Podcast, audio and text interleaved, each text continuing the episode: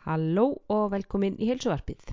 Ég er Raka Nagli, stjórnandi þáttarins en í þessum þætti fjöllum við um allt frá COVID upp í kvíða, allt sem við kemur líkamleri og andleri heilsu. Í þessum þætti tala ég við Ástísi Hjálmstóttur. Hún er livjafræðingur en þið þekkja nú eflaust frekar sem fremsta spjótkastara Íslandsögunar en það hefur skvísan keft þrísvar sinnum á olimpíuleikum 2008, 2012 og 2016 og er okkar fremsta valkyrja með spjót í hönd. Ástís er búsett í Svíþjóð á samt eigimanni sínum og hún droppaði nú bara hér bombu í þættunum að hún er eigi kona einsömmul. Það er lítill bumbubúi hjá henni Hún talar náttúrulega um þjálfunna sína meðgöngunni, hún talar um hvernig er að vera búin að setja spjótið á hilluna, hún talar um hvernig er að lesa ummæli um sjálfa sig sem hafa verið miður falleg og hvort það sé sangjant að ætlast til þess að það sé hluta því að vera íþróttamæður að mynda þykkan skráp fyrir slíkum niðrandi ummælum. Uh, hún talar náttúrulega auðvitað um mikilvægi hugarfarsins, innra samtalsins og sjónmynda þegar kemur að þjálfun en Ástís rekur afreksskólan þar sem hún gefur fólki verkfæri til að æfa hugafarið fyrir hámarks árangur í sinni íþrótt. Ástís er ótrúlega lífsglöð, hláturmild, skemmtileg, fljúandi greind og bara það, þessi þáttur var frábæri alla staði.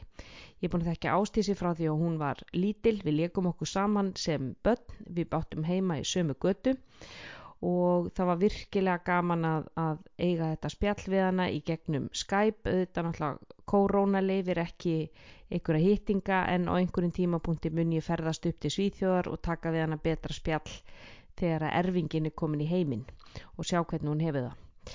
En þátturinn er í bóði ná á Íslandi Nú er hægt að fá æfingapakka röggunagla inn á háverslun.is en pakkin inniheldur rauðrófuduft, kreatín og FR Hydrate töflunar.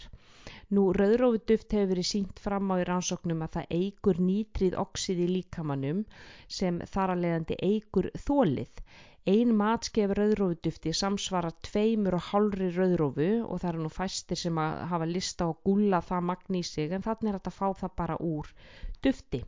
Ég blanda þetta oft í bara pre-workout uh, drikkin minn og skelli þessu þannig í mig. Kreatín er náttúrulega eitt mest að rannsaka bæti efnið á markaðnum og bara hefur verið sínt margsinnis að virkar. Það eigur ATP í kvatberum frumnana og gefur okkur fítonskraft í viðskiptum við játnið og að spæna sprettina og það getur tekið líka mann svona 3-4 vikur að bregðast við kreatíni þannig að síni nú þólinn mæði Hydrate töflunar innihalda aðeins 1 gramma sigri en þær fylla á steinefni og sölt sem við töpum í svita podli eftir viðskiptin okkar við, við, játn, við boxjumps, við burpees og allt sem að því viðkemur. Þær fylla á kalsjum, magnésium, natrium og kalium og halda þannig þessu góða jafnvægi á steinefnum í líkamannum.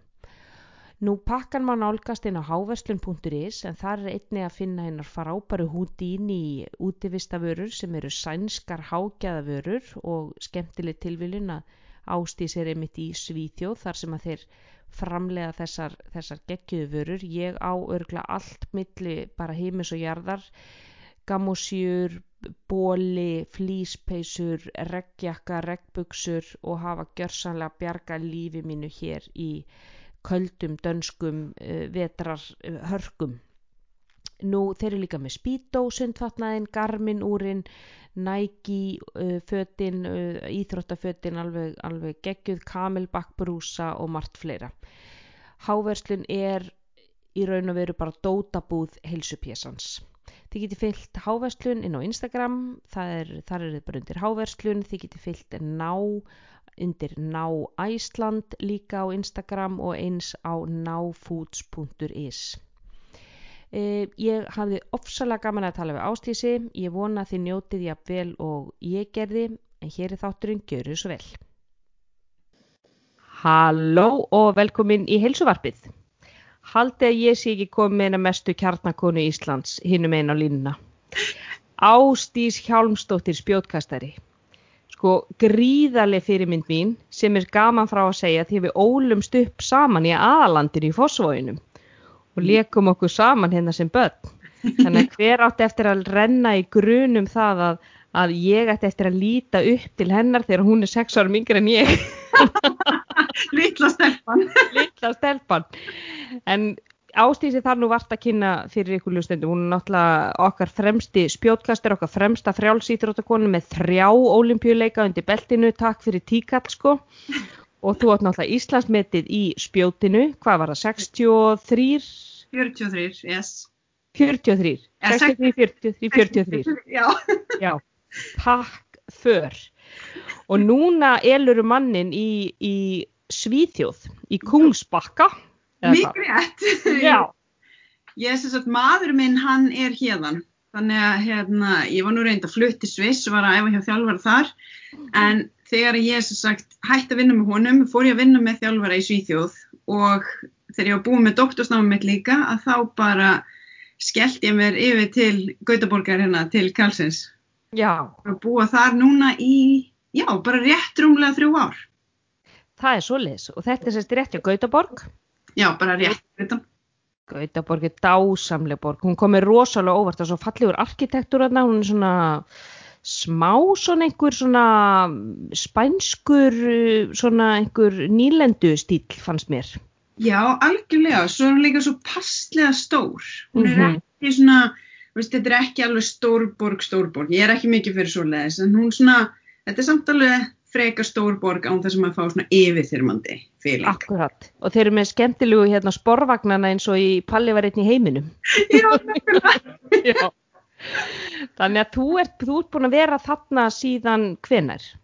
Síðan í byrjun ást 2018. Það er eiginlega nákvæmlega þrjú ár. Ég flutti fyrir, sem sagt, já, í byrjun mars Mm. 2018. Þannig Já. að það er bara rétt rúmlega þrjú ár. Já, og að því þú varst ekki nógu mikil kjarnakona fyrir að þá varstu í Livjafræði í háskólinum, útskrifast þar með hæstu engun sem hefur verið gefin í deildinni, bara þakka ekki kærlega pent, og síðan ferðu í doktorsprófi ónæmisfræði í University of Zurich Já, í Sviss. Ég var nefnilega, þetta, þetta var eiginlega, fólk hlæra mér þegar ég segi frá þessu. Málega mér, ég var í rannsóknarverkefni, í mastersverkefninu mínum. Mér fannst svo gaman í svona rannsóknarvinnu. En svo flyt ég mig þarna til Sviss eftir ég var búin að útskrifast eftir hérna olimpíuleikana 2012 og mér hafði alltaf langað svolítið þess að fara í doktorsnám en svo flyt ég til Sviss og allt í nær ég bara það í splunkunni í landi bara allt öðruvísi menning, ég þekki engan og ég bara að æfa Mm og það var rosalega svona skrítið eiginlega erfitt fyrir mig og mér vant eitthvað meira, ég var náttúrulega alltaf búin að vera í skóla með æfingunum -hmm. og, og ég hafði engan svona, þú veist, ég er ekki típan sem bara fer út og ég er náttúrulega að fara að kynast fólki ekki starf. Þannig ég þurfti að hafa svona eitthvað umhverfi til þess að mm. fólki líka.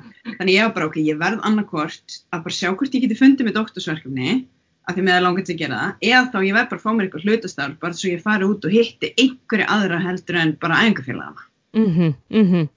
Svo ég ef sé ekki bara í einhverjum bergmálshelli um, um frjálsýþróttir og, og, og nægskó. Þannig að, já. Það er líka bara, þú veist, maður þarf að geta gert eitthvað annað og kúpla út og ekki bara verið með hausin í íþróttinu hund bara 24-7, það gengur ekki. Ég, mér finnst það bara eiga einhvern veginn við um allt, að maður þurfi svolítið að fara út fyrir búbluna sína og kynnast fólki á öðrum sviðum og fá að heyra önnu sjónamið og einhver ymmit. Við sem eru svona mikið reyfingu, eiga vini sem að hrefa sig neitt og fá einhvern veginn þeirra sjónamið og eiga vini, og einhver sagði við mig, eigðu vini á öllum aldri. Veist, eigðu vini sem eru 20 árum eldri en þú, eigðu vini sem eru 20 árum yngri en þú og þú veist, bara auðlast þessa viðsýni einhvern veginn. Já, ég er alveg sammála þessu. Mm, mm. Þannig að þú tekur doktorsprófið og það er, það er fjara, þryggja fjara nám, þannig að þú varst þarna alveg, Það voru fjögur, já það voru fjögur ár. Al- alveg akkurat. Ég ætlaði nú að taka það hægar en, en svo gerði ég það bara ekki. Það var- það væri nú ekki þínum anda að gera það. Nei, ég tók nú reynda mastersnámið námið aðeins hægar en er bara með doktorsnám, þú ert ekki að taka kursa og próf svo mikið, það er eitthvað svona smá námskeið sem þú tekur, en þú ert aðalega bara í rannsóknarvinnu. Svo er bara, Mhm. þú veist, hvernig niðurstöðu færðu, gengur þetta vel, eru hlutinir Mhm. gangu upp, þú veist, ertu að fá einhver niðurstöður þannig að þú getur skrifa vísindagrein. mhm, þú veist, ef þú færir þessi neðstöður þá getur þú gert og þá getur þú klára fyrr já, en svo getur maður líka verið óöppin og maður er að prófa hluti sem kannski gangi ekki og það tekur bara lengri tíma þannig að ég vil meina að ég hafa verið pínlítið heppin líka. Þú varst undir heilla stjörnu, þú varst undir, undir rannsóknu heilla stjörnunni. eitthvað Já, svo leið mhm, já, þannig og þú ert að æfa þarna allan tíman með og þetta er sérst á árunum sem þú ert að keppa líka á, þú segir hérna eftir 2012 þannig að þú ert að fara á olimpíuleikana 2016 hann Já, þetta var sem sagt, ég flytt til Sviss 2013, byrja í doktorsnáminu lók 2013 og er að klára sérst, útskrifast þarna vörnum mín er í byrjun ást 2018. mm, Þannig að þetta var einmitt yfir bara, já, olimpíuleikana hérna í Ríó og, og Mm. svo mm. heimsmeistaramót og evropameistaramót og fleira. mm að, segðu, segðu nú okkur döðlegu verunu, hvernig er að fara á olimpíuleika að keppa? það, það er alveg sjúklega gaman. Það er rosalega mikil upplifun og þetta er einhvern veginn bara, þú veist, talandum búblu, sko, þá þegar þú kemur inn í olimpíuþorpið og inn í þetta umhverfi allt saman, olimpíusvæðið, þetta er bara, þú ert komin inn í bara eina svakarlegustu búblu sem þú mynd bara nokkuð tíma að komast í og þetta er bara svona íþrótta búbla alveg í gegn, veist, það er bara Mhm. þetta fólk hérna og það snýst allt um það að bara hjálpa okkur að vera tilbúin Mm -hmm. veist, til þess að geta performað og Mhm. uh, þetta er alveg, og svo náttúrulega líka bara koma inn á olimpíuleikvangin sjálfan þú veist, olimpíueldurinn er alltaf á frjálsjótavellinum Já, það er rétt, já. það er alveg rosalega, eða ekkert alltaf, það var allavega í Peking, ég held að hafi líka verið hérna, allavega mann ég, ég bara, ég gleym aldrei þessu mómenti að þegar ég kefti á mínu fyrstu olimpíuleikum að þá var ég meittist ég rétt fyrir leika í olbúanum og það var ekki Mm, fundið út sko hvað var að mér þannig að þetta var svolítið svona verður lægi, verður ekki. Og það var rosalega erfitt andlega og ég var bara búin að ákveða, þú veist, ég veit ég var ekki búin að geta tekið kastaðingarna rétt fyrir en þú veist, þetta er svo langt ferðalega til Kína skilur, maður situr ekki heima og svo bara getur maður kasta á deginu og jæja Já, hvað Gerðum okkur. finn, hérna, finn eitthvað flug bara ódýrt í Kína. Já, nei. nei, nei. þannig að ég, ég fór og, og svo var maður að reyna að koma sér í gýrin og svo þegar ég, þegar kemur að keppni þá er ennþá svolítið lóvisa þannig að ég man eftir ég, ég ákvað bara ég ætla bara að taka allt inn hérna þetta, ég ætla ekki að láta vera síðustu olimpíuleikina mína hvort sem er, en ég ætla að njóta hverja einustu sekundu að þinni þannig ég gleymi aldrei þessu mómenti þegar við vorum að koma inn á völlin sem sagt, veist, þegar við erum leittar inn á völlin og erum að fara að, veist, koma okkur fyrir og gera okkur kláran og byrja og allt þetta að þá labba ég inn og sjá, þú veist, olimpíu eldin hérna uppi og, og sá íslenska fánan líka, bara, þú veist, þannig að þetta er eitthvað sem ég gleym aldrei. Já, en þannig við veitum verið bara gæsa húð og, og það bara hristist allt innra með þér. Já, þetta, Já. Þjóðarstoltið og, og bara stoltið af sjálfrið þér að vera komin þangað. Þú veist, þetta er 2008, þú ert hvað, þú ert 23 ára þarna. ég var ekki orðin 22, nei, ég var 22, ég var ekki orðin 23, Já, ymmit. já, 22 ára gömul mætt þarna á, á olimpíuleikana sko, ég, ég, leikur alltaf svo mikið forvitna að vita hvernig er þetta innra samtal? Og ég veit að þú er tala mikið um það í þínum fyrirlestrum. Nú ert að, að, að halda mikið flotta fyrirlestra sem hafa nú aldeilis farið sigur fyrr að þú ert að tala um þetta innra samtal íþróttamannsins. Mm. og mér finnst það svona þar við getum yfirfært að líka á okkur sótsvartan almúan þetta innra samtal sem við eigum við okkur á ég að fara á æfingu og svo erum við komin á æfingu og það er eitthvað ógislegt vott í gangi og þetta verður svo vond og þetta verður svo erfitt og þú veist, við erum öll bara með þetta sama. Þið, þið eruð ekkit einhverjar aðri verur sem að bara keirið allt í gang veist, Nei, alls ekki nefnilega og þetta er líka það sem að þú veist það er svo oft rosalega mikið pressa og alls konar sem fylgir í að vera íþróttamæður og það er ekkert auðvelt, þú veist, bara því að mér finnst gaman að kasta spjóti þá því það ekkert endilega ég sé eitthvað betri stakk búin undir það andlega að vera að taka einhverju hérna, yfirskitu í blöðunum bara því að mér finnst Nei. gaman að kasta spjóti skilur, þú veist, en svo er oft sagt um hann, já, já, þetta fylgir með og þú er bara að kunna að taka því. Bara, já, ok, hvern, hvernig á ég að kunna það mm þetta er eitthvað sem ég tala rosalega mikið um eins og segir í fyrirlestrunum og, og ég líka með námskeið bara í Mhm. hlutafari fyrir íþróttufólk vegna þess að ég áttaði mig á því sjálf hvað þetta er mikilvægt -hmm. þá er einmitt eins og segir þetta svona sjálftal, hvernig við tölum við okkur sjálf. Það er svo ótrúlega kraftmikið og það skiptir svo miklu máli og þetta er ekki bara fyrir íþróttafólk. Nei, nei, nei, þetta er fyrir alla. Þetta er bara fyrir alla alltaf. Það er alveg koma hvað þú ert að gera.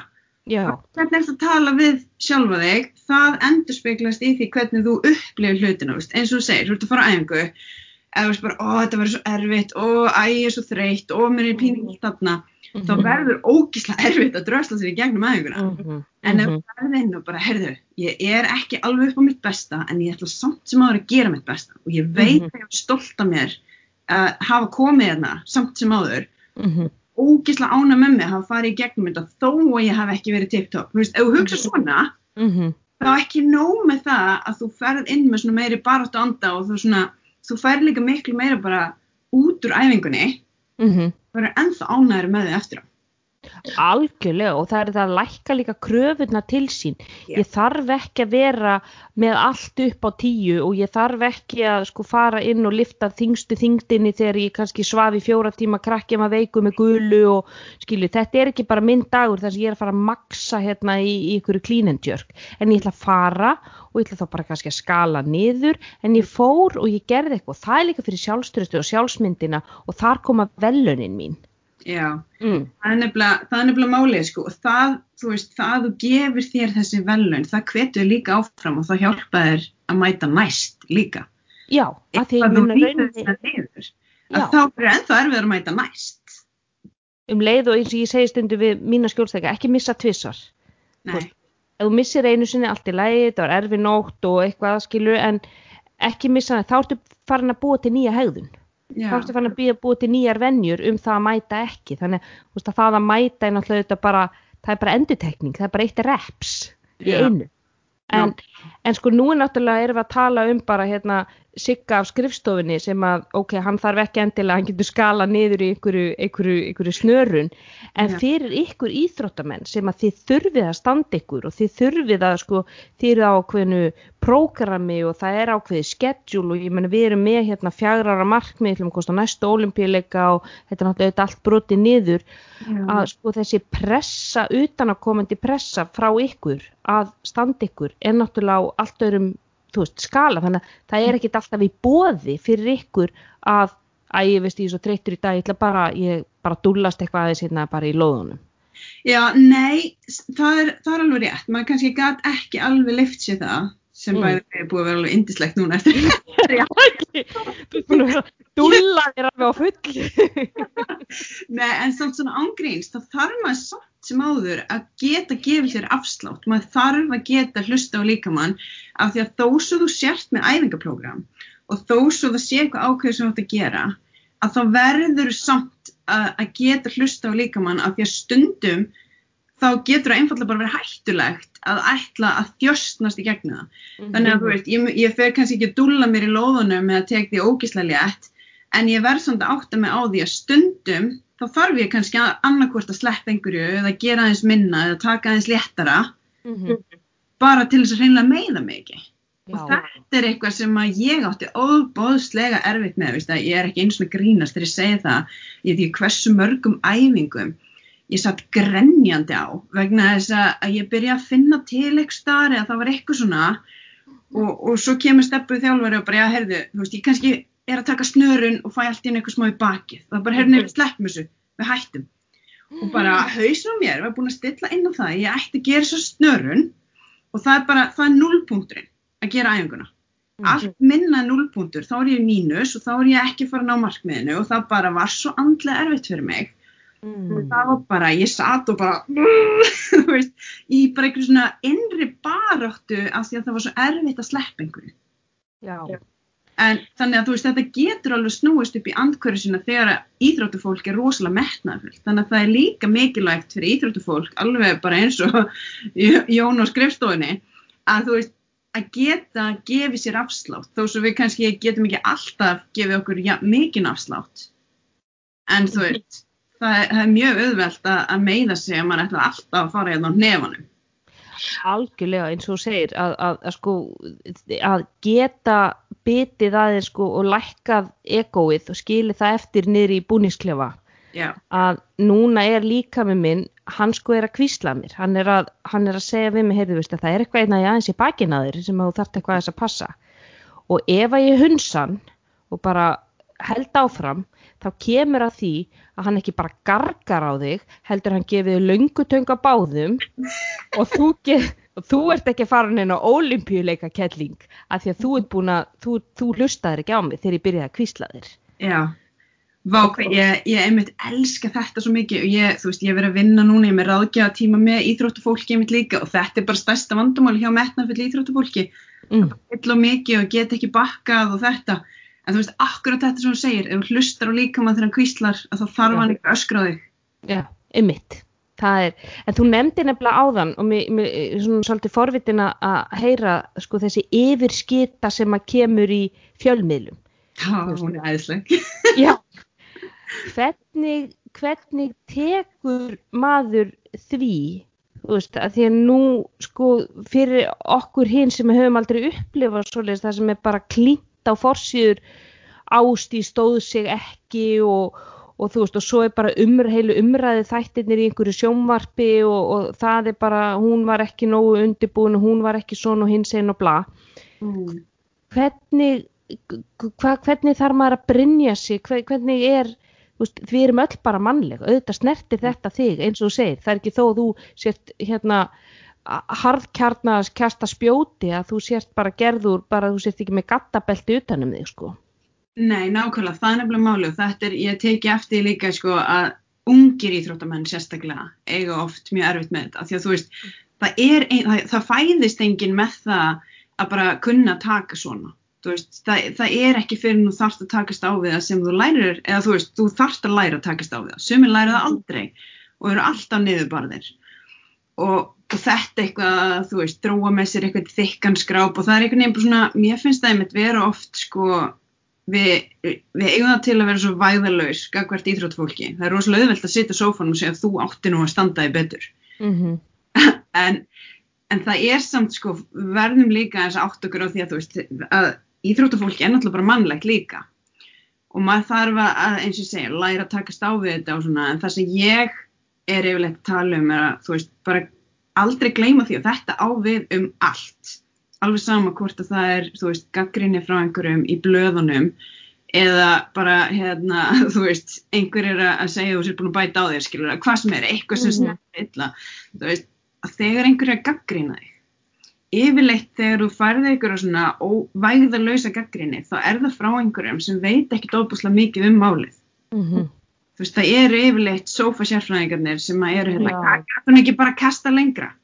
Einhver sem Mhm. hefur aldrei tekið upp spjót á æfinni ég myndi aldrei nokkuð tíman fara til þessara mannesku. Ég myndi aldrei mæta inn hérna hjá íþróttafréttamönnunum og spyrja, heyri strákar, hérna, þetta er yfirleitt kallmenn, flestir, mm -hmm.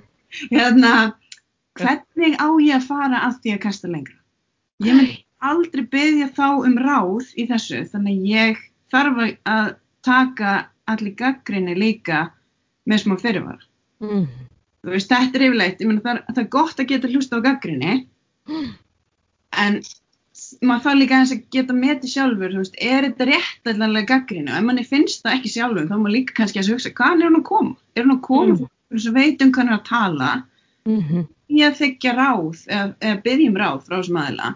Mm Ef ég myndi ekki gera það, af hverju á ég þá að taka inn á mig einhverja gaggrinni sem ég finnst ekki réttæðlega? -hmm. Þannig að það Mhm. er eiginlega svolítið, þú veist, en ég meina auðvitað þegar maður er í þessu, kannski ég tala nú ekki um að maður er búin að eiga lélegt mót og, og er vonsökjum sjálfa sig og svo kemur eitthvað svona og bætir olí á eldin, þá er líka bara svolítið spurning um að bara ekki lesa það, þú veist, ekki ekki inn, inn veist, í blöðin og þetta strax á eftir þegar þú ert viðkomi fyrir því. Já. Ég, Það er, það er eins og þið segja sko ignorance is bliss. Og það er er það bara stundum að bara lesa þetta ekki. Og maður veitir náttúrulega bara eins og margar Hollywood stjörnur og svona þær segja ég googla mig aldrei. Já, ruslið sem er skrifað um mig er bara, ég, ég minna, myndi bara, myndi grýta mig bara fram að næsta bjargi, sko. Þannig að það er, það er þetta sko, þú veist hvað, þú, þú lagðir allt þitt undir, þú veist hvernig undirbúningurinn þið var, þú veist hvernig líkamið þið var, þú veist nákvæmlega hvernig dagsformið þitt var og þú performaðir bara út frá því. Og, og þessi dagur hann var kannski geggjaður allt upp á tíu eða hann var bara, ég, ég var bara í fimmunni. Og, og, og, og það er mér finnst það að vera svolítið skilningsleysi oft hjá sko íþróttafréttamönnum hjá almenningi og ég meina maður er segur um þetta sjálf hversu oft hefur maður hort á handbólta gefðan maður! Já, og ég er hérna, ég stundaði handbólta í ár í Viking frá 12 til 13 ára en allt í einu er ég orðin bara expert í því hver að gefa á hvern. Sófastjárfræðingurinn. algjörlega, hvers konar ruggl var þetta? Að, að sko að það er ekki þessi skilningur á því að við erum eigum öll bara okkar, veist, slæmudaga og, og, og, og, ég man eftir að vinur minn sagði við minn daginn, akkur er þetta aldrei að keppa? Akkur fer ekki að keppa hérna í ykkur crossfit eða eitthvað? Og ég sagði, veistu, ég fæ svo mikið kvíða yfir því að vera með einhver dag hangandi yfir mér þar sem að allt þarf að vera í lægi líka með mig þarf að vera 100% ég þarf að sofa rosa vel, ég þarf að performa rosa vel. Og ég fæ bara svo mikið kvíði yfir þessu að ég eiginlega bara, hef bara ekki getað þetta og þetta er náttúrulega bara ykkar lífi nótskurn það er Já. bara, hér er bara mót það er bara um næstu helgi og þú þarft bara að vera vel sofin, vel nærður allt um, þú veist hvað ef ég fæ illt í maðan, hvað ef ég sé villa hvað ef að, þú veist, mamma ringdi og sagði mér að, sko, þú veist Siggi frændi væri veikur, skilur það er líka allt, allir þessi andlegu þættir sem er aldrei tekið inn í breytuna. Hún kastaði ekki nógu langt. Ergo, hún er ekki búin að undirbúa sig nógu vel, hún er ekki verið nógu duglega í vetur hún bla bla bla Já, það, þetta er rosalega oft sem að er eitthvað svona, þú veist, dregnar einhverja álíktanir en svo eins og maður segir, það er bara svo mikið, þú veist, þú veist hvað þú ert búin að leggja á þig, þú Mhm. veist hvað þú ert stattur eða stödd og þú, þú veist, skilur, hvað liggur baki. Þegar þú Mhm. sér ekkert um árangurinn, þá getur ekki dæmt. Það er bara, það er bara reynilega ekki hægt, þú veist, þú ert ekki með allar upplýsingar.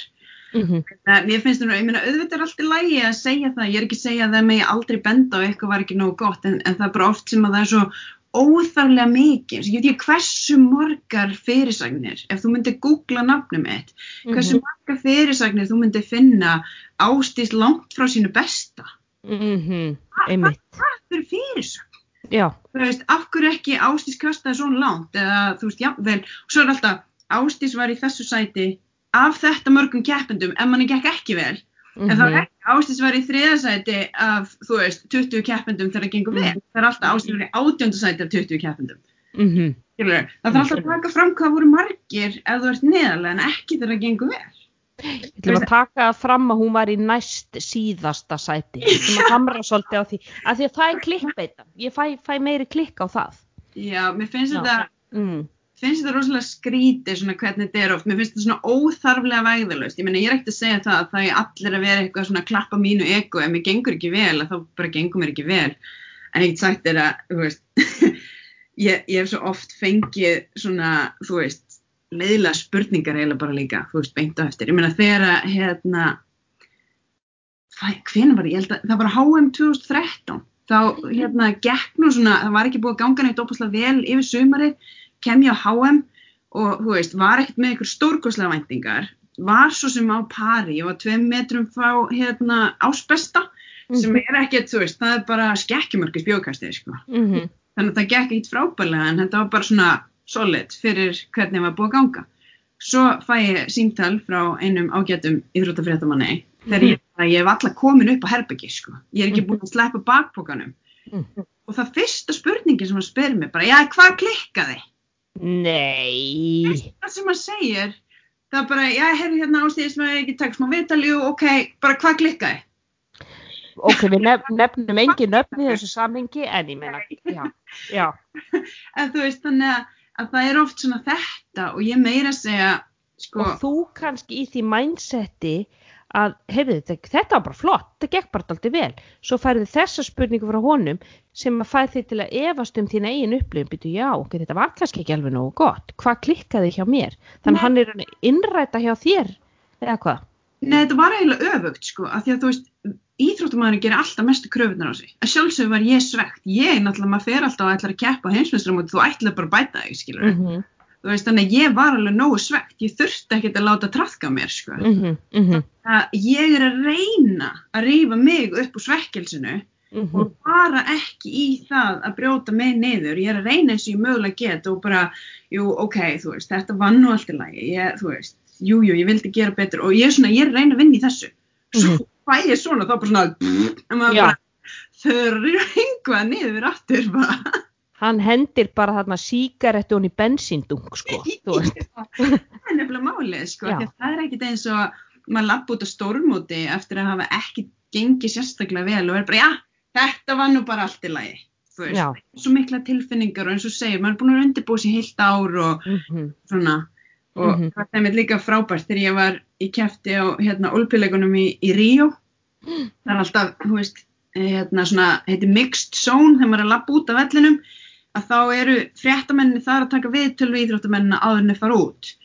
Og, og á olupíleikunum og þá eru íslenskir fréttamenn hérna, þannig ég, þú veist, mér gekk ekki vel og ég vissi að ég fær beint í viðtal og ég var svona ekkit sérstaklega mikið að hlaka mhm, og svo kemur einmitt þessi spurning, svona, bara, já, þetta gekk nú ekki nógu vel, hérna, hvað klikkaði?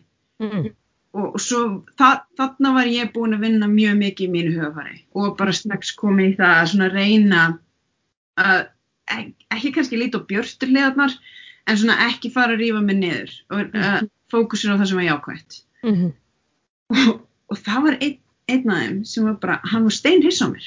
Hann bara Mm. skildi ekkert í því uh, hvað ég var, þú veist honum fannst þetta greinu bara svo lélegt að ég átti bara að vera grænjandi aðna og hann bara, heyrðu fyrir ekki hvernig getur tekið svona rólega, þú hlýtnu að vera vonsveikin já, af því. Og ég er bara svona ok, þannig að þér finnst ég ekki vera nógu vonsveikin, þú vilt svona aðeins. Já, það selur, það selur bara miklu betur, Já. ef þú væri grenjandi og, og það, það selur miklu betur fyrir hann, það er miklu skemmtilega sko, ég hef bara grenja í sjónvarsviðtalinu líka, þú veist, þeir eru með kamerur og allt svona hana, það verið miklu, við erum miklu fleiri sem vilja horfa á það. Já, við nennum ekki einhverjum pollíönuleik þar sem að þú ert bara fókus á því ákvaða, já, það er ekkert skemmtilegt en einmitt eins og þú segir, sko, þú varst búin að vinna mikið í hugafarniðinu og reyna að fókus á það jákvað og taka það með þér.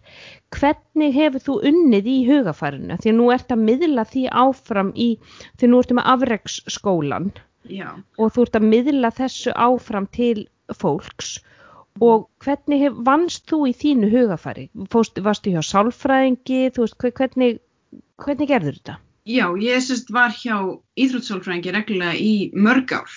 Mm. og hérna og það var einmitt, þú veist ástæðan fyrir því ég ákveða að gera afreiksskólinn er að mér finnst, þú veist, við, við mætum æfingar og það er, þú veist, það er ekkert máli að fá þjálfara sem segja þér hérna, þú veist, gerðu þetta hér og þá myndu kasta lengra spjóti. Mm en, en svo er aftur á móti þetta með að þjálfa hugan -hmm. það er einhvern veginn, er ofta ekkert hluti af þessu, það er kannski sagt við þig eitthvað svona, þú þarft að eitthvað að hugsa jákvætt og þú ert að hugsa svona en þú veist, ef þú ert ekki á þeim stað Mm -hmm. þá færðu engin tæki eða tól eða aðferði til þess að komast ángað. Og, og þetta var svo stórt gat fyrir mig, að því að ég er svolítið skapstór og svona á það til að gera miklar væntingar til sjálfra mín og svona. Þannig að þú veist, ég átti rúslega erfitt með það oft þegar að þú veist, það gekk ekki eins vel og ég vildi og ég varð fyrir vonbröðum að þá, og svo mikið og svo sterkar tilfinningar og það var bara rosalega erfitt að takast á við það Mm -hmm. og svo er verið að segja við mig, já þú þarft bara svona. Ég eitthvað, já ok, en hvernig? Hvernig kemst ég þangað? Ég er ekki á þessum stað, hvernig kemst ég þangað?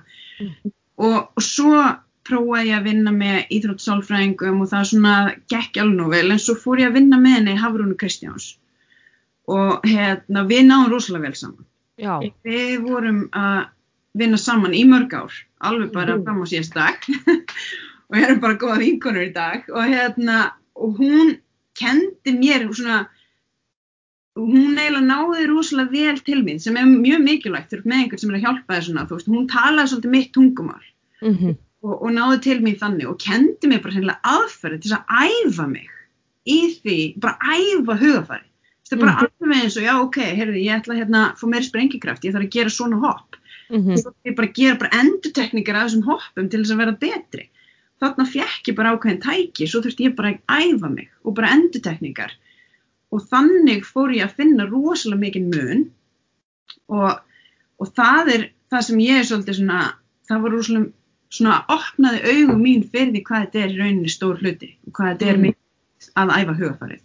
Ég með þetta er bara, þetta er hugur stjórnar hegðun Já, og, og, og ef að hugafarið er ekki læg, ég sé sko rannsóknir sem hafa sínt sko að, að það sem að ákvarðar hvort að æfing verði góð eða slæm, það er í hvernig skapi við erum þegar við löpum inn í hana. já, Er ég að koma úr vinnunni þar sem að allt var á suðu punkti og ég var of setna að skila ykkur í deadline og allt í fokki og þú veist og svo reyfst ég við makan í síman og leiðinu og nú ætlum ég bara að lappa inn og eiga bara eitthvað frábæra æfingu. Nei, oft er, stundum er getur reyðin einhvern veginn sko svona tjúnað okkur áfram en mjög oft dregur þetta úr okkur því að neikvæða tilfinningar eins og kvíði og eins og þú kuruglega þekkir sjálf eða horfir okkur á þyngd, heyrðu ég á að taka þetta hérna, ég á að taka þetta deadlift hérna núna og ég á að taka þessa þyngd.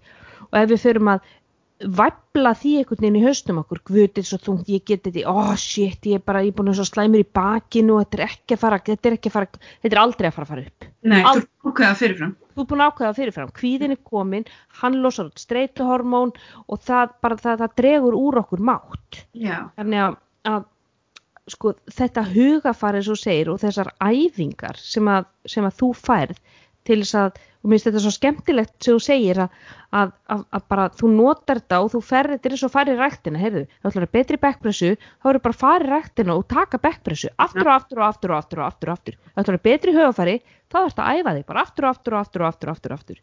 já. Hvað hva getur þú deilt með okkur einhverju svona Já, ég, ég get gert það. Það, er, sagt, það eru nokkuð svona tæki, þetta er náttúrulega mismunandi hvernig maður nýtir þau, þau tæki sem ég notaði langmest, það er sjálftal.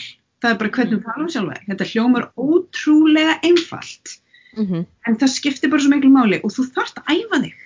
Vegna -hmm. að manni finnst maður að vera hálf klikkaður þegar maður er endur taka aftur og aftur einhverju setningu í huganum, svo missir maður einbeitingu og fyrir að hugsa um eitthvað annað, allt þetta. Þú þarft að æfa þig og þú þarft líka undirbúa þig. Þú þarft ofta vera búin að ákveða kannski í einhverjum ákveðnum aðstæðum hvað ætlum ég að segja við mig ef ég fer að hugsa svona? Eða ef Ah. þetta gerist eða eitthvað svona. Og það er það sem að, þú veist, eh, eins og ég segi, bara sjálftal í rauninni er tækið og svo notar það mismunandi hátt í mismunandi aðstæðum. Mm finnst líka bara sjónmyndaþjálfun. Að sjá fyrir sér. Visualization. Já, Mhm. hvort sem þú ert að sjá þig fyrir þér vera að gera eitthvað eða sjá eitthvað fyrir sér gerast Mhm. þú veist, það er svona hægt að nota þetta líka mismunandi hátt. Svo er bara öndun til dæmis, ofbóðslega mikilvæg í til dæmis að stjórna svona streitu uh, stressu Stressuriðbræðinu spennustíð mm bara hvað hva ert með, af því að ef þú ert með ofhátt ert að fara að keppa að, að þá getur þú hreinlega bara svona lamast, þú þarft að vera með rétt spennustíð og það er rosalega misjum, það er rosalega einstaklingsbundið hvaða spennustíð, sumir vilja bara vera bara eins og nöyt í flægi og, um, og, og það hjálpa þeim, aðrir þurfa að vera alveg pottróleir, þetta var nefnilega þetta var stór mistök sem ég gerði til dæmis af því að ég var ofta að tjúna mig upp drekka koffín og ég var bara uh, gati ekkert einbygg mér svo er ég í ríkalegri bara tækni greina sem er rosalega mikilvægt að halda fókus og, og hugsa um smáatriði og fína hreyfingar og ég er bara eitthvað að reyna að vaða um þessu naut flæði, gengur ekki neitt. Veist, og þetta var bara eitthvað sem ég áttaði mig ekkert á. Nei, og hva, hvað virkar einmitt fyrir þig? Að því þú horfi kannski bara á eins og maður sér í kraftliftingakeppnum, þeir eru að berja sig allan og þeir eru búin að kalka sig upp á bak og, og þú veist og það er einhverju menn í salnum bara að drepa þetta og eitthvað skilju og þeir, Já. þeir fóðrast af þessu. Já. að meina aðrir, ég meina eins og einhver á listskautum, ég meina hann er ekkert að berja sig allan í framann og, og kalka sig, þið skilju þannig hann að færa inn í mjúka íþrótt og hvað virkar fyrir hverja íþrótt, hvað virkar fyrir hverja hvað virkar fyrir einstaklingin líka, eins og þú segir og, og þetta með að sko stjórna spennustíðinu því að einmitt eins og í, þegar maður er að vinna með fólki með námskvíða að sko, þú vilt hafa smá spennu, þú vilt hafa smá streitu, þú þarft að Já. losa smá kortisol og adrenalín, þú þarft að kveikja á heilanum, það er ekki gott að fara bara, að veistu, þetta er bara ég, það er alveg sama já, já, já, ég bara, ég eisa þetta próf. Þú veist, það er of lágt spennustig, en þú vilt heldur ekki vera sko lamaður þannig út svo hrættur við að fara inn í þetta próf að þú bara, það blokkast hjá þér frontal þú veist, Já. hérna framheilin og, og það er náttúrulega það sem gerist þegar spennustíði verður á hátt.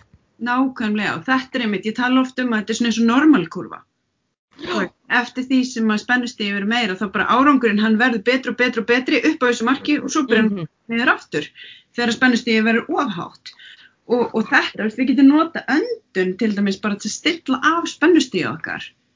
Og, og þú veist, til þess að, og svo er þetta líka bara spurning um að prófa sig áfram. Það eru margir sem hugsa aldrei út í þetta og, og þú veist, en þú þarft að æfa þig, finna hvaða spennusti henda þér best og svo getur þú nota það aftur og aftur. Þetta er svona, kemur pínleiti vísindamæðurinn uppi með þarna, svona, nörd, svona að testa og prófa og finna hvað virkar og, og svo, þú veist, að nota það síðan aftur. En það er bara svo mikið af þessum hlutum til dæmis sem að fólk bara spáir hinnlega ekki í af því að það er svo fókuserað á bara æfingarnar og þú veist, hvað þú ert að gera, hvaða æfingar og nákvæmlega hvernig og eitthvað svona. Þannig að, þú veist, þá bara hvernig ég er að hugsa. Það er enginn að pæla. í. Nei, nei, það er enginn að pæla eitthvað að hugsa, við erum bara, við ætlum bara að performa. Já, nákvæmlega. Já, en sko, en hvað er, hvað er dæmi um sko innra sjálfstal hjá þér? Þú veist, hvað, hvað segir þú við þig? Sko, ég gerði alltaf þannig til dæmis að þegar ég, þú veist, ég var fyrir mikilvægar æfingar, þá var ég búin að ákveða hvað ég ætlaði að segja við mig á, á, á hverju tímum, vegna þess að mitt vandamál lá svolítið mikið í því að það voru neikvæðar hugsanir sem fóru stað.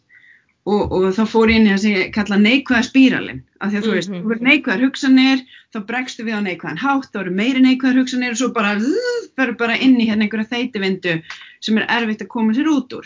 Og bara svona svo ég tæki dæmi, þá til dæmis, þú veist, þegar ég átti kastahengar, það er bara, ég er svolítið fullkomna sinni, kemur mjög mikið óvart, en, hérna, en þú veist, þá vildi ég bara alltaf eiga góð kastahengu.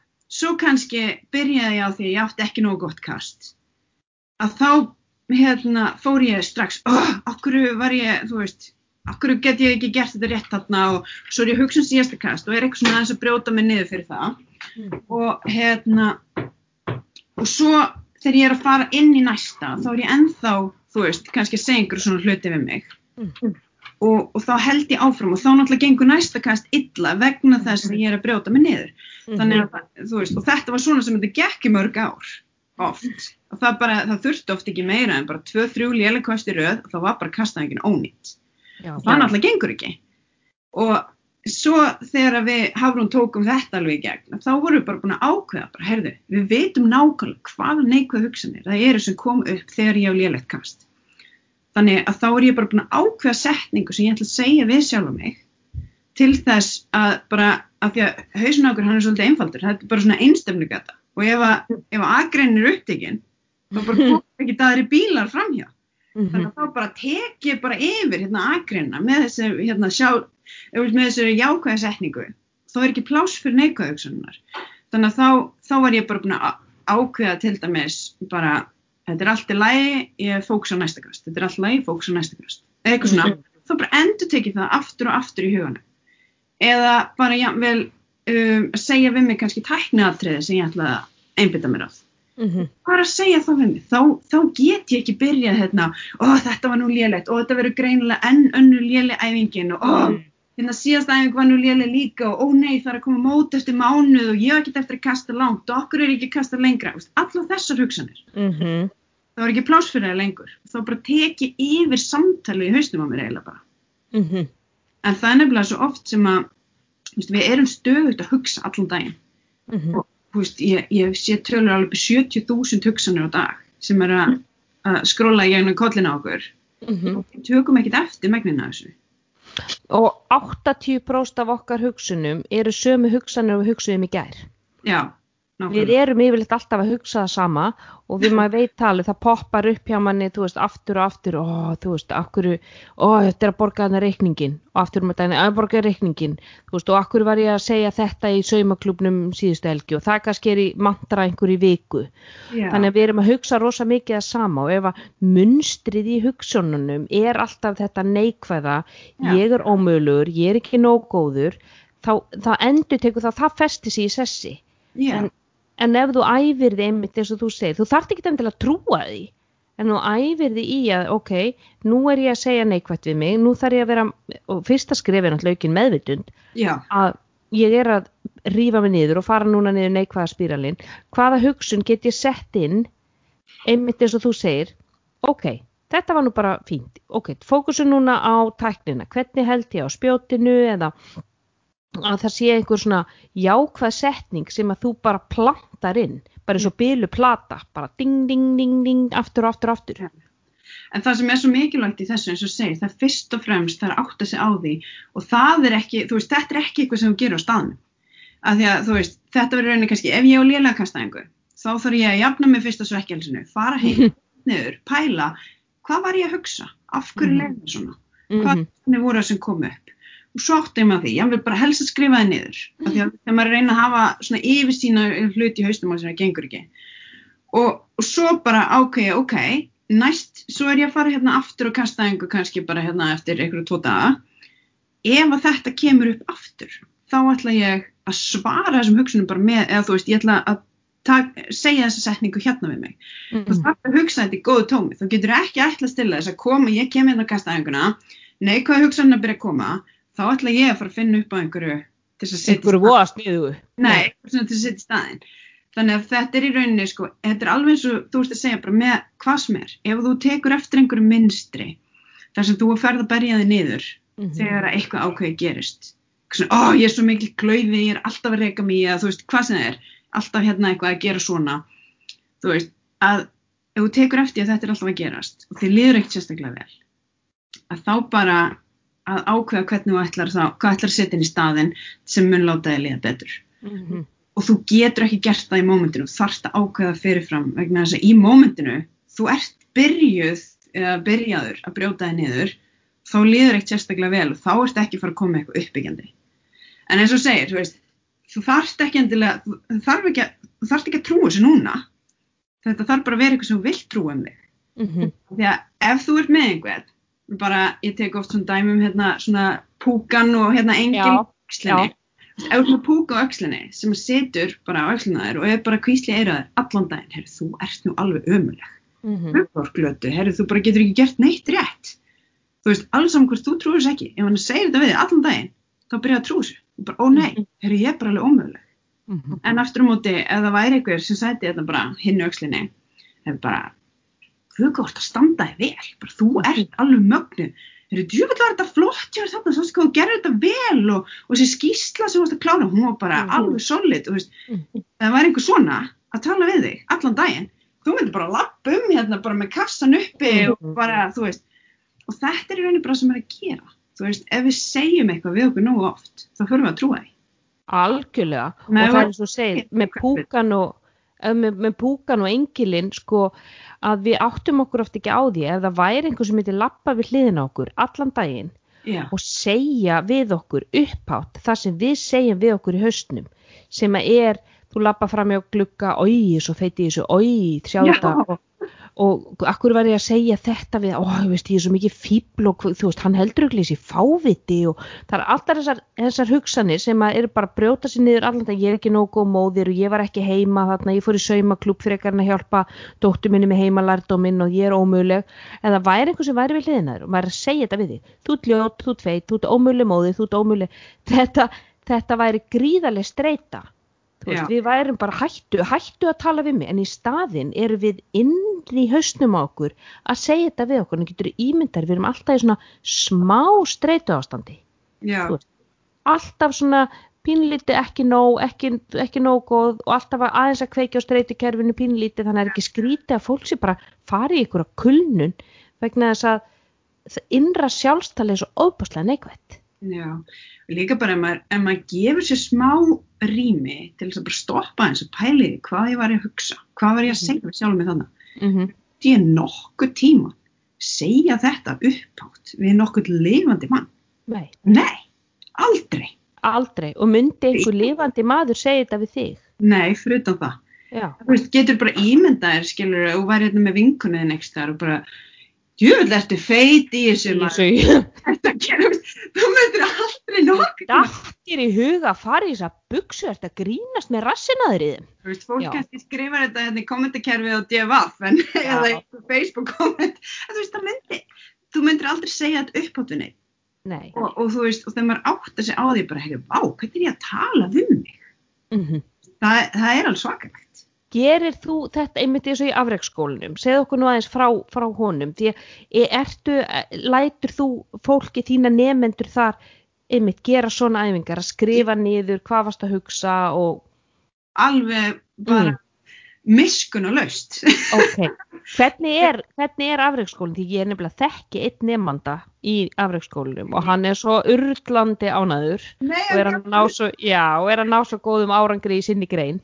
Æ, frábært. Ég, ég, mitt, ég er búin að heyra rosa góða hluti og við bara, mér líður svo vel í hjartanu að heyra að þetta sé að hjálpa fólki. En þess að, þú veist, ég er eiginlega búin að vera á báðum stöðum sjálf. Þú veist, ég var, ég, veist, ég var ekki að nota þessar aðferðir. Mm Og ég var í þessum pakka, verið að berja mig niður, veist, ég get ekki einu svona ímynda mig hvað ég er búin að eigða mörgum klukkutímum af mínu lífi, grenjandi inn á einhverjum hótelherbyggjum að því ég var svekti, þú veist, í æfingabúið með einhverja kastæðingu eða með einhver mót og ég ekki hvað og hvað. Og svo fer ég að vinna í þessu og að finna munin og svo er ég að eiga mín bestu tímabil á ferlinum þegar ég, þú veist, 35 ára gömul. Já. Þú veist, þetta á ekki að vera hægt. Þetta á í rauninni ekki að vera hægt, ekki einu sinni í íþrótt eins og spjókasti og ég vil meina, þetta verður bara vegna þess að ég var búin að ná tökum á haustum á mér, Já.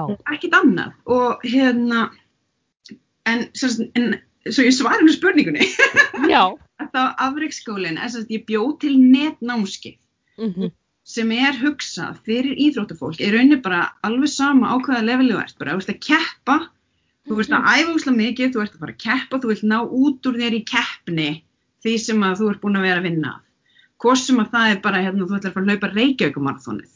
Bara ef þú ert að leggja mikið á því æfingum, að þá er afriðskólinn netnámskeið sem ég er einmitt með myndbönd þar sem ég er að kenna hluti og svo er ég með svona PDF skjöl með verkefnum þar sem að fólk er svo láti, þú veist, það er bara að svara svona spurningar sem leiða því gegnum að gera það sem ég er að tala um. Að því að það er svo mikilvægt, veist, ég veit að það er eitt að, að vita hluti er allt annað að geta svo gert það sjálfur. En sem ég tala um, já, ok, hljómangslega vel, hvernig get ég gert það bara, hvaðan fer ég hérna sem ég er núna?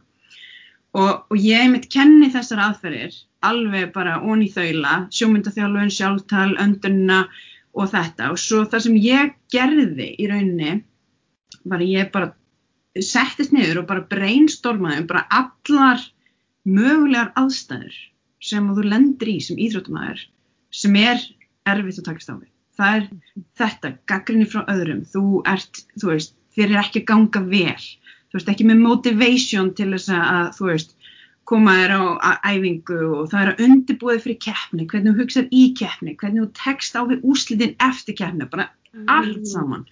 Ég meira sem fer í það sko, þú veist, ef þú fær ekki stuðning frá vinum og fjölskyldu, -hmm. það getur verið erfitt. Allt þetta er eitthvað sem að enginn kennir okkur að takast á við en við þurfum, þetta fylgir bara þannig. Algjörlega og það er, fólk áttar svo oft ekki á því eins og þú nefnir með sko fjölskylduna og stuðningin heima fyrir Já. að sko sálfræðiransóknir sína það að besta forspáin um það hvort einhver viðhaldi heilsuhegðun að loknu átaksnámskeiði eða hvað eina sem hann tek- tekst á við það er hvort hann sé með stuðning heima fyrir Já, það skiptir máli. öllu máli og það þarf ekkit endilega að vera það að makinn þinn, þú veist, færi með þér í spinningtíman en bara hann styðji þig og hann, heyrðu ska mín, ég ætla að fara í spinningtíman ykkur 6 í fyrramáli, getur þú tekið börnin? Ekkert mál, ég retta því, við græjum það. Þú ferði þinn spinningtíma skilju, þannig að það er líka þessi skilningur þessi stuðningur og við erum saman og ég ætla að hjálpa þér. Fólk áttar sig ofta ekki á þessu og þú veist, af hverju detti út, af hverju detti út? Já. Já, það vegna þess að ég var aumingi. En átta sig kannski ekki á mætti umhverfisins. Það hefur engin náða viðhalda jákvæðum venjum í neikvæðu umhverfi. Það er nefnilega málið sko, en svo er það nefnilega samt sem áður þannig að þú veist, ef þú ákveður að verða afreiksýþróttumæður, þú veist, mér finnst hérna gaman að kasta spjótu og ég ætla að olupjuleika, þá þýðir ekkert að fjölskylda mín hafa endilega áhuga á því. nei, Þannig að við getum ekki krafist þess að fá stöðning og þess vegna er þetta eitt einn af hlutunum sem getur verið erfitt að takast á við ef þú ert að fara þessa leið en svo færð ekki hennar stöðning. Hvernig á ég, hvað ég þá að gera? Vegna þess að ég get ekki ætlast til þess að fá eitthvað frá öðrum. Veist, ég bara hreinlega geta ekki. Mhm. Þannig að ég verð að geta fundið þá leið til þess að, þú veist, að því að það þýðir ekki bara, herru, ég fæ ekki stöðning, nú erum við bara hætt við þetta allt saman, eða bara gerum eitthvað annað. Hvað segir, hafið áhuga á skák?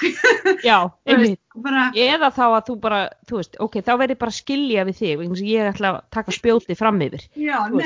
Þannig að, Þannig að En- þarf geta tekist á við þetta. Þannig að ég fer svolítið í, þú veist, hvernig er hægt að takast á við það, svo eins líka bara, þú meiðist, það getur verið óbóðslega erfitt andlega fyrir mhm, íþróttafólk, sérstaklega, þú veist, ef maður er bara að leggja allt í þetta og svona, og Mhm. þrálátt meðsli, þú veist, þannig ég fer í, þú veist, fyrst kenni, eða ég kenni svona þessi grunn aðferðir og við köfum rosalega djúft í líka bara, af hverju ertu íþróttinniðinni?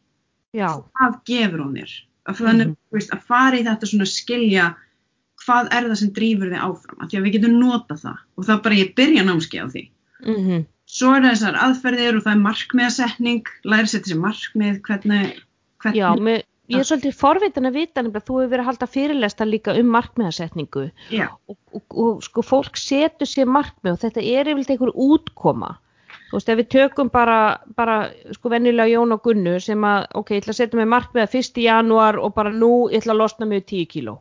Það er útkoma, það er einhver útkoma af einhverju hegðun. Þannig að fólk er oft ekki að setja sér hegðunar markmið þú veist, ok, ég ætla að mæta hérna þrísari viku í sko, í einhvern liftingatíma og ég ætla að byrja að borða meira græmiti. Þa, það er yfirleitt, maður sér aldrei svoleiðis markmið. nei það er hérna, ég er með tala um þetta sérstaklega, ég kalla það sem sagt, við erum rauninni niðurstöðu hérna uh, útkoma ferilsmarkmið Mm, og það mm, er rauninni á við um íþróttir uh, sem og líka bara líka í lífi sjálf, bara alveg saman hvað þú ert að setja í markmið, bara svona sem ég takki sem dæmi, bara ef þú tekur sérst, segjum útkomu markmið það er bara hérna ég ætla að vinna þetta mót. Mm, ég hef ekkert bara stjórn á því.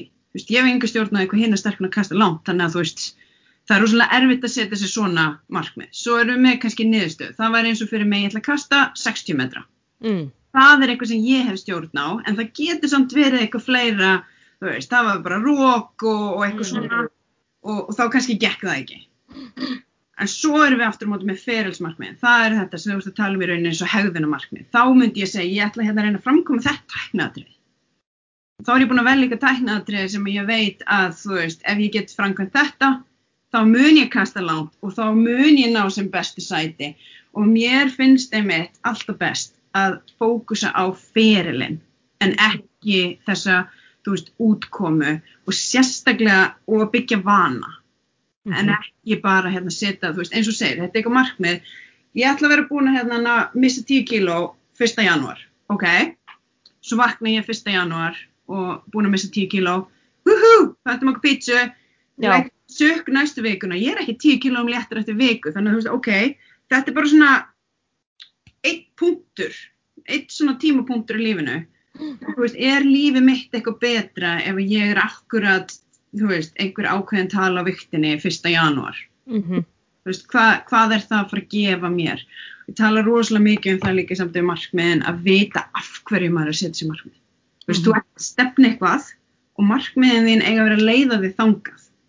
Þú veist, ég meina eins og fyrir mig til dæmis að setja mér eitthvað markmið, þú veist, að missa 10 kíló það er ekkert að fara að gera mig eitthvað betri mannesku eða líða eitthvað betur eða þú veist, neitt þannig það er bara ekki, ekki markmið fyrir mig nei, og ég ekki að, þú veist, þannig að ég meina það væri kannski eitthvað öðruvísi ef ég væri með heilsuvandamála því ég væri of þung og, og þurfti Mhm. þess vegna eða þú veist, eitthvað svoleiðis eða væri kannski með einhverju verki eða eitthvað svona en það er bara ekki mitt þú veist, það er ekki mitt vandamál þannig að Mhm. þetta er ekki markmið sem er eitthvað að fara koma mér í áttina hérna að þú veist, svona draumnum mínum eða eitthvað svoleiðis mm, þannig að mm. það átti að segja því, þú veist, af hverju er ég að setja mér þetta markmið Já og að hafa líka í huga sko, það eru allir með sömu markmið, þú ætlar að fara að hlaupa 10 km í Reykjavíkumarathoni og ég ætla, ég ætla að vera fyrstur í mark.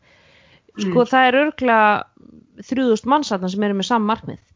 En Já. sko hvernig er ferilliðin upp að því, hvernig er, hvernig er kerfið þitt sem á að stuðla þeirri útkomu, það er raunin það sem skiptir mestumáli því að markmiðið þitt, ok, ég ætla að missa 10 kíló, jú ok, það er líka alveg 350 aðrir sem ætla að missa 10 kíló hérna um, um áramótin, en hver er það sem að nær því markmið, það er sá sem er með prósess og kerfi og, og, og feril sem að leiðir hann í, í þá átt þannig að, að þetta er mjög áhugavert að ég held að fólk átti sig ekki á þessu um þetta brjóta niður hér er útkoma, hér er niðurstað og hér er ferill og þú þarfst að hafa þetta allt saman í huga. Já, ég, ég tala einmitt líka alltaf um það, þú veist, þegar ég er með svona fólk, ég hef verið með markmiðsetninga þjálfur líka, mm. að þú veist að gera plan. Af því að það er svo oft sem við hendum fram, þú veist, það er í rauninni þessi ferill, þú veist, þú getur settir ferilsmarkmið, þú veist, þess að bara markmið mitt núna er bara að fara þú veist, segjum bara þreysusnum á æfingu þessari viku. Mm -hmm. en þú veist, það getur bara verið reynilega markmið, en ef að ég ætla hérna að komast í eitthvað form til þess að geta hlaupið á einhverjum ákveðin tíma í Reykjavíkumarathoni þá er eitt af skrefunum sem ég þarf að taka til þess að komast ángað það er að fara út að hlaupa eitthvað x oft og, mm -hmm. og eitthvað svona. En þú veist, að að það er svo oft sem að er hendt fram einhverju sérstaklega áramóta heitum Já bara, ég ætla hérna, þú veist, eins og þetta, missa 10 kíló og svo bara einhvern veginn, já, hvernig ætlar að gera það? Æ, bara æfa meira og, og borða minna. Mm -hmm. Já. Bara, já, frábært plan. Mm -hmm. og, veist, og, og bara hvað, hvað þýðir það? Meira en hvað og minna en hvað? Já, og þú veist, og, og ef þú ætlar að fara, heyrði, ég ætla, ég ætla að fara hérna, ég ætla að klifra upp á Everest. Og hvernig ætlar að gera það? Já. Ég bara, þú veist, það lítur að vera eitthvað leið þannig að það er ekki maður þessu, þú veist, það Já. lítur að vera eitthvað bara eitthvað sem segir mér að gungulegin, eitthvað, skilur, þú veist, það er ekkert það er ekki búið að hugsa út í það hvernig ætla ég að brjóta þetta niður og þetta verður svo oft líka svo stórt og mikið markmið Já. að hvernig hjálpa þú fólki til dæmis að brjóta þau niður niður í sko smærri einingar þannig að fólk fái þess að litlu sigra á leiðinni sem þau geta fagnat ertu, ert sko mér það oft svo mikilvægt að við upplifum þetta sko vá geta hakað við, ég fór þrísar út að hlaupa í þessari viku, þannig að það er svona, já, tjekk lítill lítil sigur, ég get þetta auka, bæta sjálfsbyndina auka sjálfströstið, þú veist er þetta faktora sem að þú talar eitthvað um við þína nemyndur? Já, já, algjörlega. Þetta, þú veist, ég gerir þetta alltaf þannig að þú veist, þú og, og bæðið fyrir sjálf og mig og fyrir aðra, þú veist, þú vilt vita hvert þú ert að stefna, bara svona, líka bara það, við gleymum ofta að láta okkur dreyma, bara, þú veist, hvað viltu í lífinu, skilur mm mm -hmm.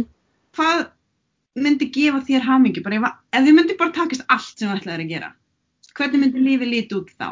Og ef við verðum að þú veist, er að hafa einhverju stefnu og við verðum að hafa hugmyndu þetta fyrst.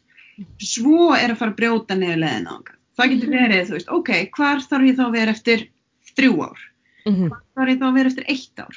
Hvar þarf ég að vera eftir þrjá mánuð, eitt mánuð vikur, mm -hmm. hvað ætla ég að gera í dag til þess að mhm. vera að leginni þanga og það þannig raunir sem þú brýtur þetta niður. Af því að segjum sem svo að ég ætla að vera hérna búin að missa 10 kíló eftir einhvern x langan tíma og ég er búin að setja upp hérna plan hvernig ég ætla að fara að því að þá, þú veist, er ég búin að brjóta niður, ég er ekki bara að hugsa um þessi 10 kíló. Ég er bara, ég veist, ég er ekki ég persónulega er ekki brjálæðislega hrifin að svona þingdar hérna, Nei, við ekki heldur En þetta er bara svo auðvelt markmið að því að... Þetta er, svo, þetta, er bara svo, þetta er bara svo algengt, þetta er bara Já. algengasta markmið, ég ætla að missa ykkur x kíló. Ég er alltaf að reyna að segja fólk, ef ekki bara byrja því að auðlast heilbritt samband við mat og æfingar fyrst og leifa síðan bara útkomin að sjá um sig sjálfa. Þegar þú ert komin í, þú veist, gott samband við, þú ert komin búin að finna æfingar segir líka vel við, þú ert búin að finna mataræð segir líka vel við og leifum svo síðan bara flæða. Svo líka bara gleymi fólk því að viktin, hvað af hverju hún er einhver heilagu standard? Það sér enginn hvað þú ert þú. Nei, nei. en þú er hvernig þú lítur út. Þannig að af hverju er ekki, af hverju lítur ekki speilin frekar? Og vöðvar eru miklu þingri heldur en feta þannig að þú getur verið búin að missa hellinga fetu og er ógslátt tónu og flott en þú ert ennþá hjá þung. Amen. Og en þetta segir nú þetta nú segir nú sko vöðva trölli sjálf sko því að Ég, veist, það, ég, hef, ég hef séð þig í rættinni sko, það er maður bara svona, maður fer bara með veggjum sko, já, hún, hún er að vinna að lifta, já, já, ég kem bara, kem bara setn í dag, Nei, já, já, hvað er þetta? Allavega strákandir sko, þeir, þeir voru ekki alveg að, heru, já, já, við sleppum bara begnum í dag. þeir voru oft svolítið viðkvæmir fyrir því, mann ég. Ég var, ég var oft að hérna, fara inn í völklöknum, vá hvað ég er komin eitthvað allt annað, en hérna, já, ég verðist að segja þetta, við, þetta er líka eitt eitthvað, konum er ekki verið sterkar, þú veist, það, það var rosalega erfitt fyrir það voru ofta einhverjir strákar sem voru kannski bara eitthvað svona, byrja að fara í ræktina, svo er þeir að taka hnepegur og ég er hérna kannski á næstu stöng, bara næsta rekka, veist, ég er búin að æfa í 10-15 ár, þvílíkt bara fókuserað og þetta er bara vinnan mín bókstaflega. Mhm. Svo er Þú ert þeir afreks íþróttakonna sko. eitthvað niðurbrotnir yfir því að þeir sé ekki að lyfta meira heldur en ég. Hvusla segla tilætluna sem með það halda að þú getur bara komið út á götunni og gert betur en ég sem er búin að vera, sem bókstaflega bara með þetta atvinnu, bara Mhm. af, þú ert með tippi, hvað, er það bara eitthvað sangjant? Já, eiginlega bara hálfgeir móðgun við þig og þína vinnu sem þú ert búin að leggja í þetta. Og já, bara já, já, já, maður þekki þetta alveg sko. Ég, ég æfði einu sinni með henni Jóhannu Eyvins, þannig ég ætla bara að koma að sjáta át á hana. Hún var nú sterkasta kona Íslands hérna eh, einu sinni og, og ég man þegar við vorum að taka bekkin sko, hún á Íslandsmeti í bekkpressu. Ég held að það standi ennþá óhreift, 100, 140. Vá. Já, og, og þeir, það komu strákar og ég man eftir þeir sögðu, já, heyrðu, við tökum bara bekkin á morgun. Það var þegar ef hún var í bekknum, sko. Þeir leika, þetta var bara ef og mikið fyrir egoið. Já, þetta er, En- en, allavega, þetta með hérna markmiðin, þá sem sagt, ég tók bara þetta dæmi með hérna missa 10 kíló því að það er rosalega tölur auðveldar, en bara segjum svo svo, ég ætla að vera búin að missa 10 kíló eftir þrjá mánuði. Ok, þá ætla ég að vera búin að missa hérna 3 kíló á næsta mánuðinu. Þú veist, og þá brýti ég þetta alltaf svona niður, skilur þannig að, að þá get ég fagna skrefum á leiðina, því ef ég horf bara 10 kíló en eftir einhvern langan tíma, það getur rosalega erfitt svona eitthvað, þú veist, að halda kvartningunni til lengri Mm. tíma, ert bara horfa eitthvað stórt markmið, en ef þú ert alltaf að ná einhverju litlum sigurum á leiðinni, að það, það gefur þig svo mikið og það gefur þig kvartningu og þú færið þess að halda áfram, svo bara eru þessi litlu hlutir, leggja saman yfir tíma og bara gera risastór stökk og það bara, það, það sem að fólk sér oft ekki, það eru litlu skrefin, þau sapna saman og allt í henni komin bara alveg heil langt. Já, Er nefnilega, þau eru oft rosalega vannmetin þessi litlu skrif, hvað þetta er svo lítið, það tekur nú ekki að minnast á það. Nei, En ef þetta er lítið á hverjum degi, þá er þetta rosalega mikið á einu mánuði. það sapna saman að vera hellingur. En að því við vorum einmitt að tala um æfingar, því ég veit að þú ert nefnilega ert að fara á æfingu. Já, fljótlega. Já, og mér langar svo að heyra, sko, hvernig er konan sem er búin að leggja spjótið á hilluna, hvernig ertu að æfa núna? Þú veist, bara sem svona, bara, nú ert þú bara orðin, þú ert bara orðin, orðin sótsvartur almúi, sko. Nú er ég bara tóttur á mig. Ég, sem sagt, var náttúrulega búin að vera með rosalega strangt æfingaplan í rosalega langan tíma og bara þá þarf ég að gera nákvæmlega þetta og þetta og þetta og ég fekk svolítið svona eftir á bara, nú er ég að fá nóga því þurfa að hugsa. Mhm. ég, bara, ég vil bara mæta á æfingu og, og gera æfinguna og fara heim þannig að ég og maðurinn minn er rosalega mikið í crossfit þannig að ég fór að æfa í crossfit bóksinu sem að hann er að æfa. Og mér fannst það bara svo mikið snilt. Ég hef bara mætt tíma, veist ekki að hugsa neitt var bara ekki þjálfari sem sagði hvað þetta gera fekk hörku æfingu og klukkutíma og svo bara fór ég heim. Já, og, og ég sem sagt fór að gera það. Svo er ég orðin ólétt. Nei, þessu það ekki nei. Já, þannig að ég er svona búin að þurfa aðeins að endur skoða það hvað ég er að æfa mikið en ég er náttúrulega var að æfa eins og ég segi svolítið svona crossfit og, og þannig og, og ég er ennþá að gera það nú þannig bara svona aðeins að svona Skala pínu niður. stilla mér í hóf, það er hausin er nefnilega, sko vandamálið er það, hausin er ekki búin að fatta það að ég er hægt að keppa, Nei, hann er ekki búin að fatta það. hann fekk ekki tölupóstinn. Nei, það Nei. er eitthvað, voru eitthvað á milli hluta. Það er nefnilega sko líka fyrir og, og þetta ég get alveg tengt í þetta ég er bara með tvo gýra annarkvort er ég bara horfa á Netflix eða ég er bara all in að sko djöfla mér út á æfingu þú veist að það er eitthvað svona að taka létta æfingu það er bara fyrir eldri borgara sko þú veist þannig að þetta er rosalega erfitt að þurfa að skala sig aðeins niður sérstaklega núna út ófrísk og líka bara það ég er ekki að fara að keppa olimpíuleikum ég er, get alveg tekið bara hérna eina dullu æfingu þú veist í dag. Ég þetta líka bara, eins og til dæmis bara í gær, bara go, gott dæmi, þá er ég búin að taka, hérna, góða æfingu, þrjá dæröð, líka með bara þreyttur og það, það tekur vist alveg svaka orku að búa til nýja mannesku ef ég hef en, en þú veist þannig ég er bara þreytt og, og ég veist bara, ég ætla bara að fyrir labbitúr með hundin mm. og ég get bara gert það núna Mm ég bara, herðu, veistu, mér bara ég bara er ekki alveg á réttum stað og ég náttúrulega þekki líka minn svo vel og veist, fyrir mig þá er þetta bara, herðu, ef ég fer og teka æfingar núna, þá verð ég bara gjössalega uppgefin og þá verð bara erfitt að vinna á morgun -hmm. Þú veist, ég, ég er þar og ég veit alveg hvar veist, ég veit alveg að svona kvartningin, þetta er ekki bara eitthvað að ég nenn ekki Mm -hmm. þannig að hérna, ég get haft vit fyrir mér og þetta var oft eitthvað, það var svo oft sem maður var þreyttur en kannski svona að íta sér í gegnum einhverja æfingar og gera samt og, og alveg uppgjöfun og svo kemur heim og liggur á sófanum og eiginlega allur dagurinn fór í það að kvíla sér sem maður geti gert æfinguna. Núna er ég bara, herri, ég þarf að gera aðra hluti, Mm -hmm. þar ég bara, fer ég bara labbit um hundin í dag og læta bara Mhm. döga. Já, og að fá ekki samviskubiti yfir því. Nei, ég er ennþá að vinna í því. Nei, Nei ég, það, það er rosalega erfitt að fá ekki samviskubiti og vera einhvern veginn, að, já, heyrðu, var ég bara kannski löt eða var ég raunverulega þreytt? Það er þetta, þetta samtal.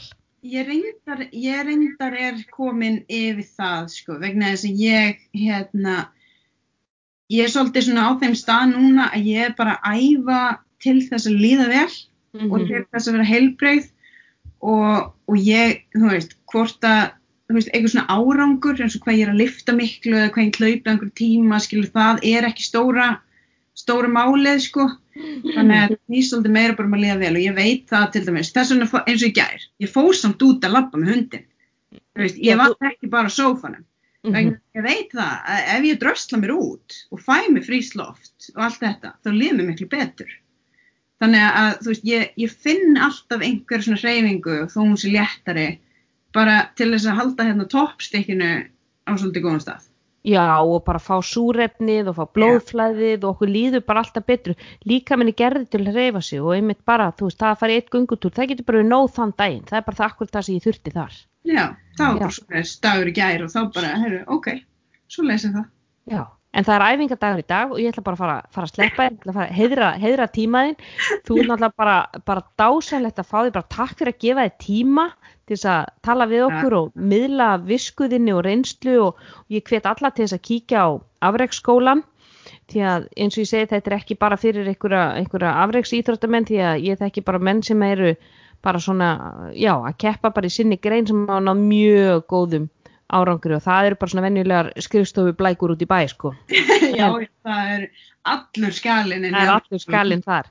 Og fólk getur fundið á samfélagsmiðlum þegar þú ert á, inn á Instagram, Ástís Hjálms, eða ekki?